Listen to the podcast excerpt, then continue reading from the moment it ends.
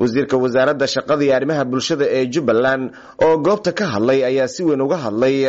arrimaha muhiimka u ahi wasaaradaha ee loo baahan yahay in ay ka wada shaqeeyaan. Maxamed axmed cali wasiirka wasaaradda shaqada iyo arrimaha bulshada jubbaland oo daafurka shirkaasi ka hadlayay ayaa waxa uu yidhi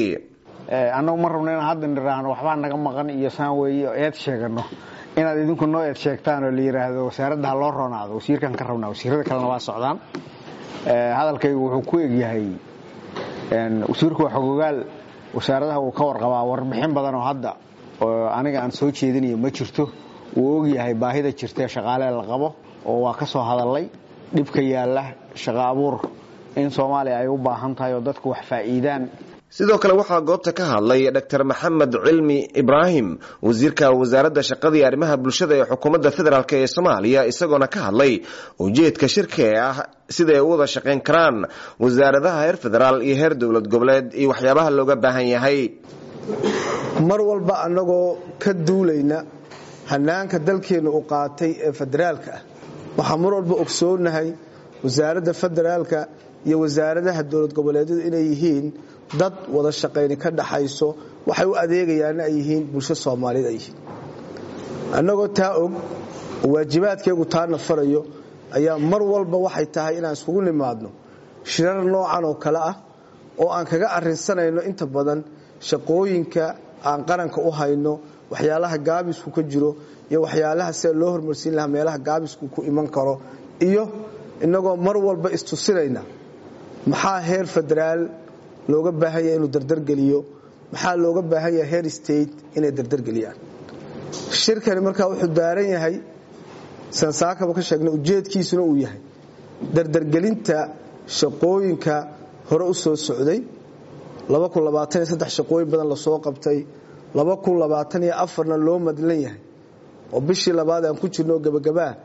inaan isagana iska warsanno shaqooyinka inoo yaalla sidii loo dardargelin lahaa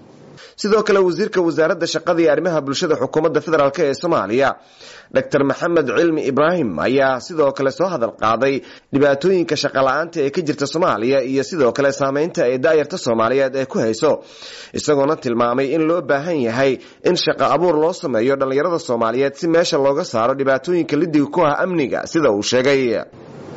Waxaan ognahay dalkeennu inuu boqolkiiba toddobaatan iyo shan uu yahay dhallinyaro saan horeba u sheegnay. Uu u baahan yahay dhallinyartaasi kuwa dalka isbeddelka hadda aan ka hadlayno samaynaya inay iyaga yihiin. Marka waa inaan u diyaarinaa dhallinyartaas samaynaysa isbeddelka dalka. Shaqo abuur iyo xirfado ay ku shaqo tegi karaan oo dalka wax kaga bedeli karaan. Waxaan ognahay burburku intuu dhacay shaqo abuurka dalku inuu aada u hooseeyo waxa mar walba lama ilaawaan ah kaalinta ay kaga jiraan brivate sectorku shaqo abuurka dalka ay kaga jireen soddonkaa sane ee burburku soo jiray. Nin macalin noqda iskuol brivate jooga nin combany brivate jooga iyo qof shaqeeya isbitaal brivate shaqo abuurka wuxuu aada uga socday sectorka brivatka ayuu aada uga shaqaynay inta dalka burburku ku dhacay. Waxaa annagana kaalintana saaran ay tahay ka wasaarad kaalintii qaranku uu ku shaqo abuurka dhallinyarada soomaaliyeed in general madaxweynaha jubbaland axmed maxamed islaam oo gabagabadii shirka ka hadlay ayaa dhankiisa sheegay in loo baahan yahay in shirarka noocan oo kalea la joogteeyo si meesha looga saaro wada shaqayn la'aanta ka dhexaysa wasaaradaha heer federaal iyo heer dowlad goboleed. Waxaa sidoo kale madaxweynaha jubbaland axmed maxamed islaam uu tilmaamay in loo baahan yahay in dhallinyarada shaqo abuurka loo sameynayo ay ka yimaadaan gudaha waddanka si ay qayb uga noqdaan amniga waddanka